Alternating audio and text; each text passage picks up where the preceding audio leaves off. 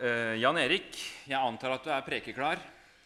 Ja, det kommer seg an på. Det vil vise seg. Men jeg gleder meg til å dele budskapet med dere i dag. Og det er alltid slik at eh, oss som har denne oppgaven å tale Guds ord, vi får på en måte Vi har en kamp å gå gjennom hver gang. Og det har det vært denne gangen òg. Men så når du liksom, føler at du har fått et budskap å gå med, så går det med glede. Sånn nå òg. Sånn òg. Så derfor så tror jeg at jeg er klar. Ja, flott. Eh, Og hvis jeg ikke er klar, så blir jeg i hvert fall veldig klar etterpå, for å bruke et annet form for uttrykket. jeg veit, Jan Erik, at du er, en, eh, du, er en aktiv, du er en aktiv kar, og du har, eh, du har mange jern i ilden. Hva, hva gjør du på sommeren for å på en måte, når du skal slappe av, hente deg inn? Hvis du gjør det. Ja, hente meg inn. Det, hvis ikke så blir du jo innhenta. Så du, du må Nei, jeg gjør jo forskjellige ting. Jeg liker godt å sykle, jeg liker godt å trene, jeg liker godt å drive med forskjellige prak... Ja, nå må jeg ikke ta for store ord, for jeg er ikke så flink praktisk som folk tror jeg er. Så hvis jeg sier det der, så får jeg en oppstrammer av hun som egentlig er mest praktisk i familien og flinkest på det. Men jeg driver litt med forskjellig sånn. Og så kan jeg være sammen med venner og slappe av, og så drikke fryktelig mye kaffe. Fryktelig. Høres ut som en god oppskrift. Ja. Jeg skal ta, Du skal få tale til oss nå. Før, før det så skal jeg bare be kort for deg. Ja. kjære far, takker deg for eh, Jan Erik og for eh, det som dere har forberedt, Herre. Eh, gi han det han trenger, Herre, for å formidle budskap fra deg, og gi oss som skal høre på, Herre, åpne hjerter, så vi hører og forstår det du vil si til oss. Amen. Amen. Ja, jeg vil henlede oppmerksomheten også på dette heftet før vi, jeg begynner å tale. Dere må ta med dere det. Og Vi har en sånn dyktig gjeng, som jobber med program og masse ting, praktiske ting i Misjonssalen. Og Hvis de tar med dette her og studerer det, så får de mye informasjon om hva som skjer. Ja, oppgaven min i dag, det er altså å tale om Abraham. Og da har jeg satt en overskrift over denne talen. Og den lyder slik En troskjempe med riper i lakken. Vi har en tendens til også å pynte på virkeligheten. Bibelen gjør ikke det. Den sier noe om alle sider av livet, slik og med historien om Abraham. Abraham han var en slik troskjempe, men han hadde noen riper, eller fikk noen riper i lakken. Abrahams historie den er vel kjent både i jødedommen, i islam og kristendommen. Jeg tenker ikke å belyse likheter eller ulikheter i disse forskjellige religioner sitt syn på, i forståelsen av Abraham men vil bare si der finnes det muligheter til gode samtaler med noen som har en annen tro. Men dette blir altså et for stort tema å ta opp her og nå. Derimot så vil jeg gå inn på troskjempen Abraham, og så si litt om det som jeg nevnte, at denne troskjempen fikk noen riper i lakken. Det er klart det at Hvis jeg skulle omtale noen troskjemper i Misjonssambandet, så ville jeg nok ha sløyfa episoden der hvor han eh, i redsel for sitt eget liv prøvde å selge kona si. Jeg tror ikke det hadde stått i historiebøkene. Eller at han lo høyt og tydelig da Gud ga løfter om sønnen. At han skulle få oppleve det på sine gamle dager. Bibelen den pynter ikke på virkeligheten. Den sminker ikke til virkeligheten. Og det syns jeg er med på å gjøre Bibelen troverdig for oss. På mange måter er det slik Denne historien som vi nå har foran oss i dag, om Abraham, det er slik at han er en litt merkelig type, syns jeg. Men jeg blir veldig glad når jeg leser denne historien. For det viser oss litt om at her står vi overfor en troverdig og sant, et sant vitnesbyrd. Og slik er Bibelen. Vi ser det i mange av disse historiene som skildrer forskjellige personer. Vi ser om kong David. Vi ser om Peter. Peter som sviktet Jesus, den, den beste vennen sin, den dagen han trengte virkelig støtte. Jeg vet ikke hva som er verst. Å svikte vennen sin da han trenger den mest, eller selge kona si til farao. Men dette har noe å lære deg og meg i dag. Og jeg tror det er viktig at vi lærer det. Og Jeg tror også den serien som har vært i Vårt Land om trosledere, som på mange vis har blitt fokusert fordi de har fått noen riper i lakken, da tror jeg det er viktig at vi sier noe om dette. Hva skal det lære oss? Jo, det skal lære oss at troskjemper med riper i lakken slettes ikke er en sjelden vare. Det finnes ganske ofte. Ja, kanskje er det slik at disse troskjempene som ikke har ripper i lakken, de, de, de finnes kanskje egentlig ikke. Og så er det en annen ting det skal lære deg og meg. Og det er det veldig viktig. Og det sier jeg takk og lov for. At riper i lakken ikke er til hinder for Guds velsignelse. Det er godt å tenke på. At riper i lakken, som vi påfører oss selv og andre, det er ikke til hinder for Guds velsignelse. Abraham, han fulgte Guds kall. Og Her ser vi virkelig hans tro og hans troskamp på mange måter. Han hadde en far som het Tara. Det vet dere. Og Tara dyrket flere guder, mens Abraham dyrket bare én gud. Han måtte ta avstand fra fars religion. Han måtte ta og bryte opp. Og slik kaller Gud også oss til oppbrudd. Vende oss bort fra synden, fra egoismen og fra vårt samfunns avguder. Hva heter avgudene i vårt samfunn? De kan ha mange forskjellige navn. Materialisme, seksualisme, nytelsessyke, kroppsstyrkelse. Det er en avgud som på mange måter spiser opp sine tilbedere. Fra fars land, så reiser han. Og så tar han konsekvensene av Guds kall. Han var villig til å gå til et ukjent land. Og jeg tror at denne historien den har vært til inspirasjon for mange som også vil bryte opp og reise til et annet land for evangeliets skyld. Kanskje det er noen her i denne forsamlingen som kjenner på nettopp det, et kall til å reise ut som misjonær, som forkynner, som er villig til å bruke tid og krefter på å dele evangeliet med andre.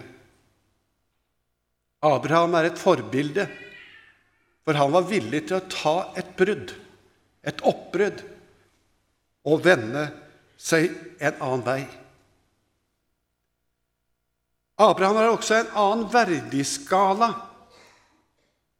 Vi ser det i kapittel 13.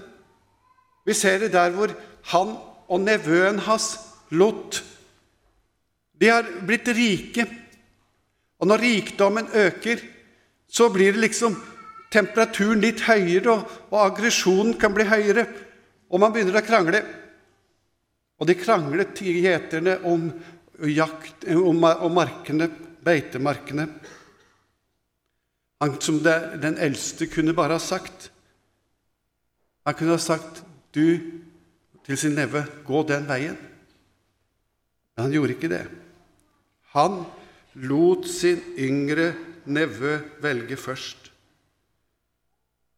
Lot Han valgte ut fra økonomiske hensyn.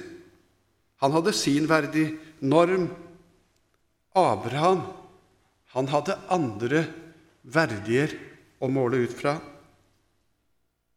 Han sa 'velg du først', og så gikk han den andre veien. Abraham setter familieverdier og samhold høyere. Dette valget forteller oss noe om den verdiskalaen som Abraham hadde i sitt liv. Det er ikke alltid penger, makt og ære som skal det viktigste verdig for oss. Jeg irriterte meg litt i en som jeg levde litt tett på. Han var ofte villig til å velge et dårligere alternativ for at andre skulle få det bedre.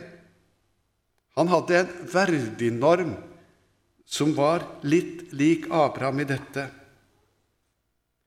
En annen ting som vi kan si om troskjempen Abraham, det var at han var en bønnekjempe. Han ber for Sodoma og Gomorra og forhandler med Gud. Han er villig til å gå inn i kampen, inn i bønnekampen. Det er en troskjempe som gjør det. Et eh, tredje punkt som jeg har lyst til å minne om når det gjelder Abraham, og det kan være aktuelt for mange av oss, det er å bli brukt av Gud sjøl om en er gammel. Kanskje det var den største prøvelsen i hans liv. Det er ikke så rart de lo fikk beskjed om sønn, at de skulle få en sønn, selv om de var 90 og 100 år gamle. Men de fikk det. Det er enkelte eldre som føler seg mer eller mindre avskiltet. Dette er synd. Gud avskilter ingen grupper. Abraham og Sara tenkte nok ikke at de kunne være til så stor velsignelse i sin alderdom. Og Når vi leser i Bibelen, så ser vi at dette ikke er noen fremmed tanke. Og I Salme 71 så står det slik.: Forkast meg ikke i alderdommens tid, forlat meg ikke da min kraft forgår. Det var en som var redd for det. At eh, Gud på en måte skulle forlate han når han ble gammel.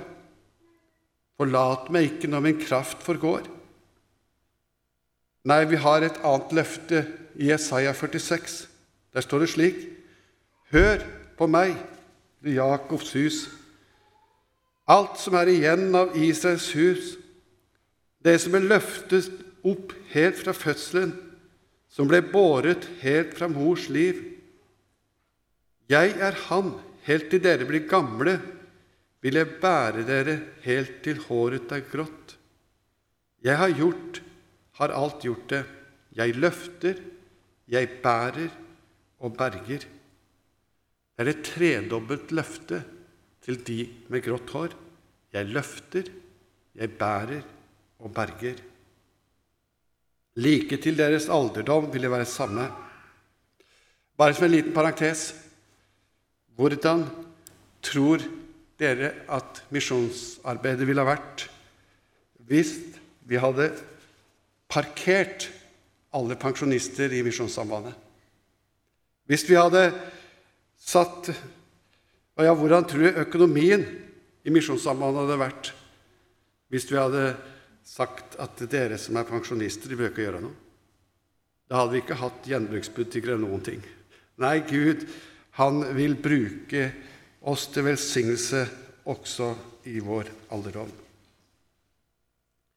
Skal vil lese en tekst fra kanskje en av de viktigste tekstene som eh, handler om, om Abraham, fra 1. Mosbok 22. Og Den kan vi ta opp på skjermen. Og tung var den veien som opp til Moriafjell. Og eh, vi leser da fra vers 9. Da de kom til et sted Gud hadde sagt, bygde Abraham et alter der og la veden til rette. Så bandt han Isak, sønnen sin, og la ham på alteret oppå veden. Og Abraham rakte ut hånden og tok kniven for å slakte sønnen sin. Men Herrens engel ropte til ham fra himmelen og sa, Abraham, Abraham. Og han svarte, Ja, her er jeg. Han sa, Legg ikke hånd på gutten og gjør ham ikke noe, for nå vet jeg at du frykter Gud, siden du ikke har spart din eneste sønn for meg. Da Abraham så opp, fikk han øye på en vær som hang fast etter hornene i et kratt like bak ham. Abraham gikk bort, tok væren og ofret den som brennoffer i stedet for sønnen sin. Abraham kalte dette stedet Herren ser. Den dag i dag blir det sagt, på fjellet hvor Herren lar seg se.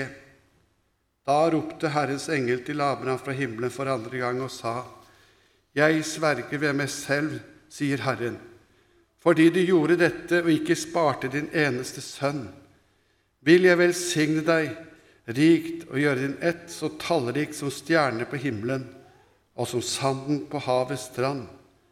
Din ett skal innta fiendens porter. Ved din ett skal alle folkeslag på jorden velsignes. Velsigne seg fordi de hørte på meg. Her gjør Abraham en profetisk handling, en handling som illustrerer selve evangeliets kjerne. Illustrerer dette at så høyt har Gud elsket verden, at han ga sin sønn den enbårne. Ingen kan fatte Guds kjærlighet. Hvorfor, sier Jesus til sin far, hvorfor har du forlatt meg?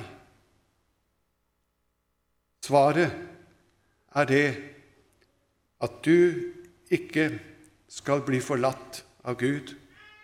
Han er hos deg. Han elsker deg. Du er dyrebar i hans øyne. Her peker Abrahams profetiske handling helt inn i kjernen av vår tro. Og dette binder på en måte de to tingene sammen, misjonsbefalingen og hendingen på Golgata, der Jesus dør i vårt sted, i stedet for oss. I Abrahams utvelgelse så ser vi Guds frelsesplan. For Gud lovet Abraham at i hans slekt så skulle alle folkeslag velsignes.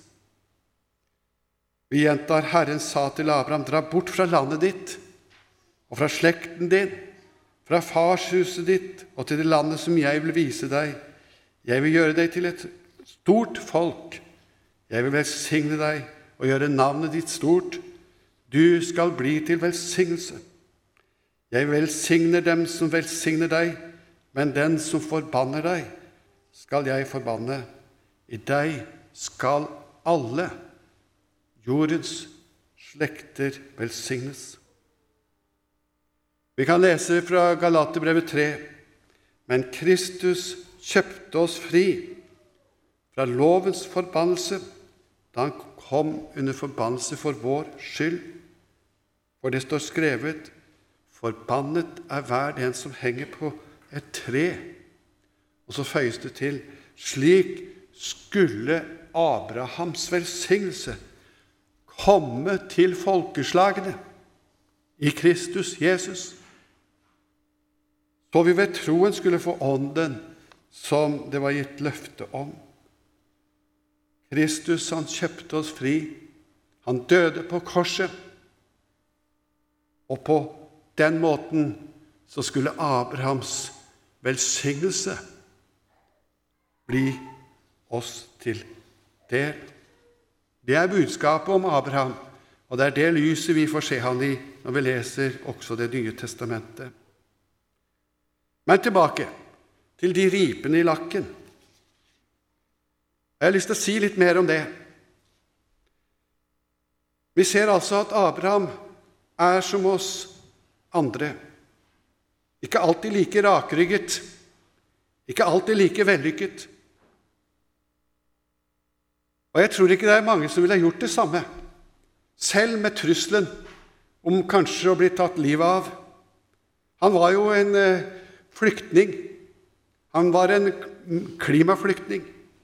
Og så måtte han komme i nærheten av der hvor farao var, ned til Egypten.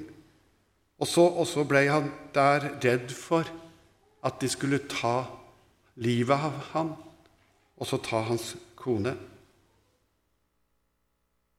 Jeg tror likevel de færreste av oss ville ha valgt denne eh, løsningen. Også det at han lo, og det at han også ville hjelpe Gud til å oppfylle Guds løfter ved å gå inn til Hagar. Og så fikk Ismail.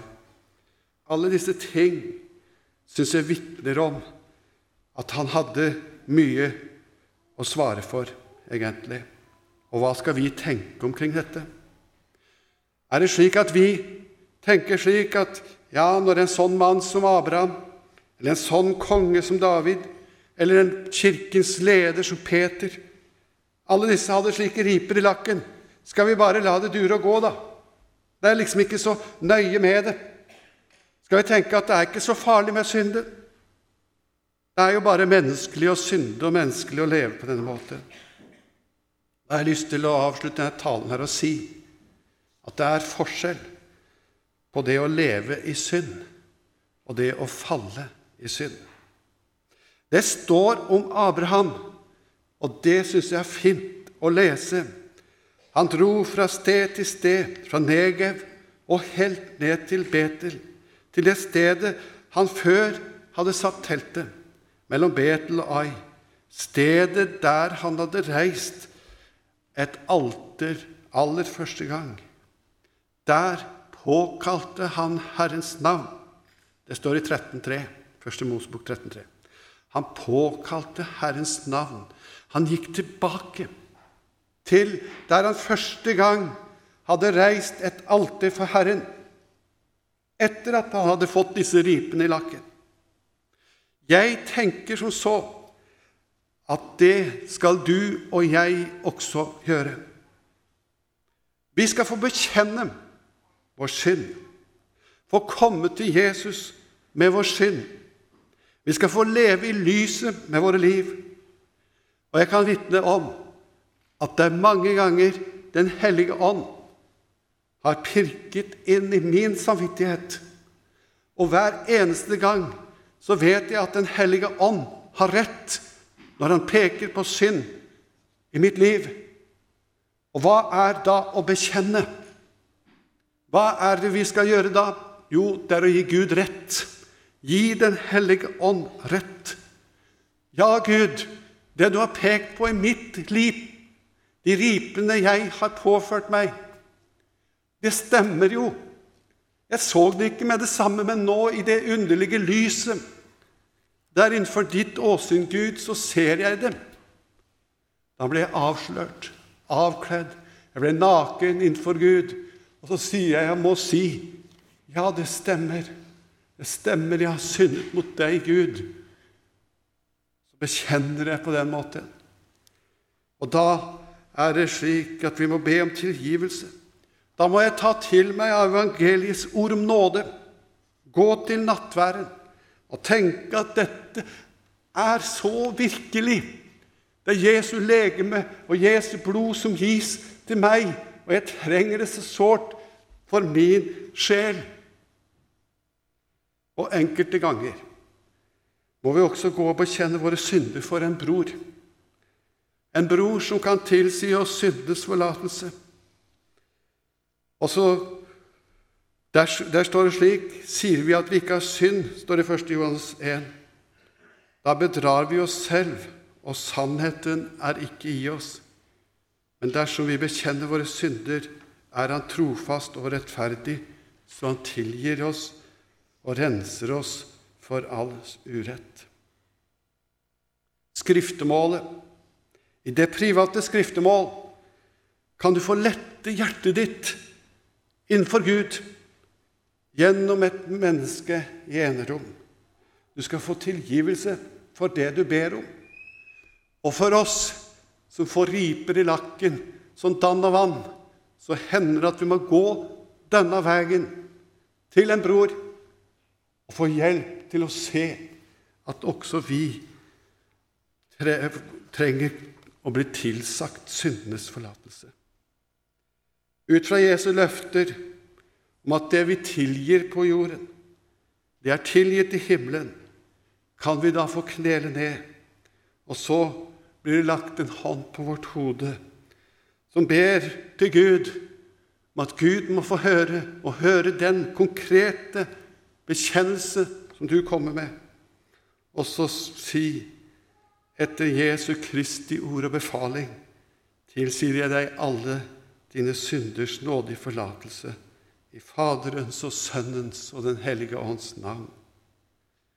Dette er hjelp, en hjelp som tilbys oss. Og om du ønsker og kjenner på at det er noe du har lengtet etter, så er du hjertelig velkommen til å ta kontakt også om dette. Vi ønsker at vi skal få leve åpent med hverandre og i åpen erkjennelse om at vi trenger syndenes forlatelse. Og enkelte ganger kan det være spesielle kamper som vi må gjennom. Og når synden er bekjent, da erfarer vi på nytt igjen gleden, kanskje, som fyller vårt hjerte fordi vi vet at vi er fri. Og så får vi høre om løftene, løftene som aldri kan svikte. Løftene som har fått sitt ja og amen i Kristus Jesus. Og løftene de gjelder for deg, sjøl om du har fått aldri så mange riper i lakken.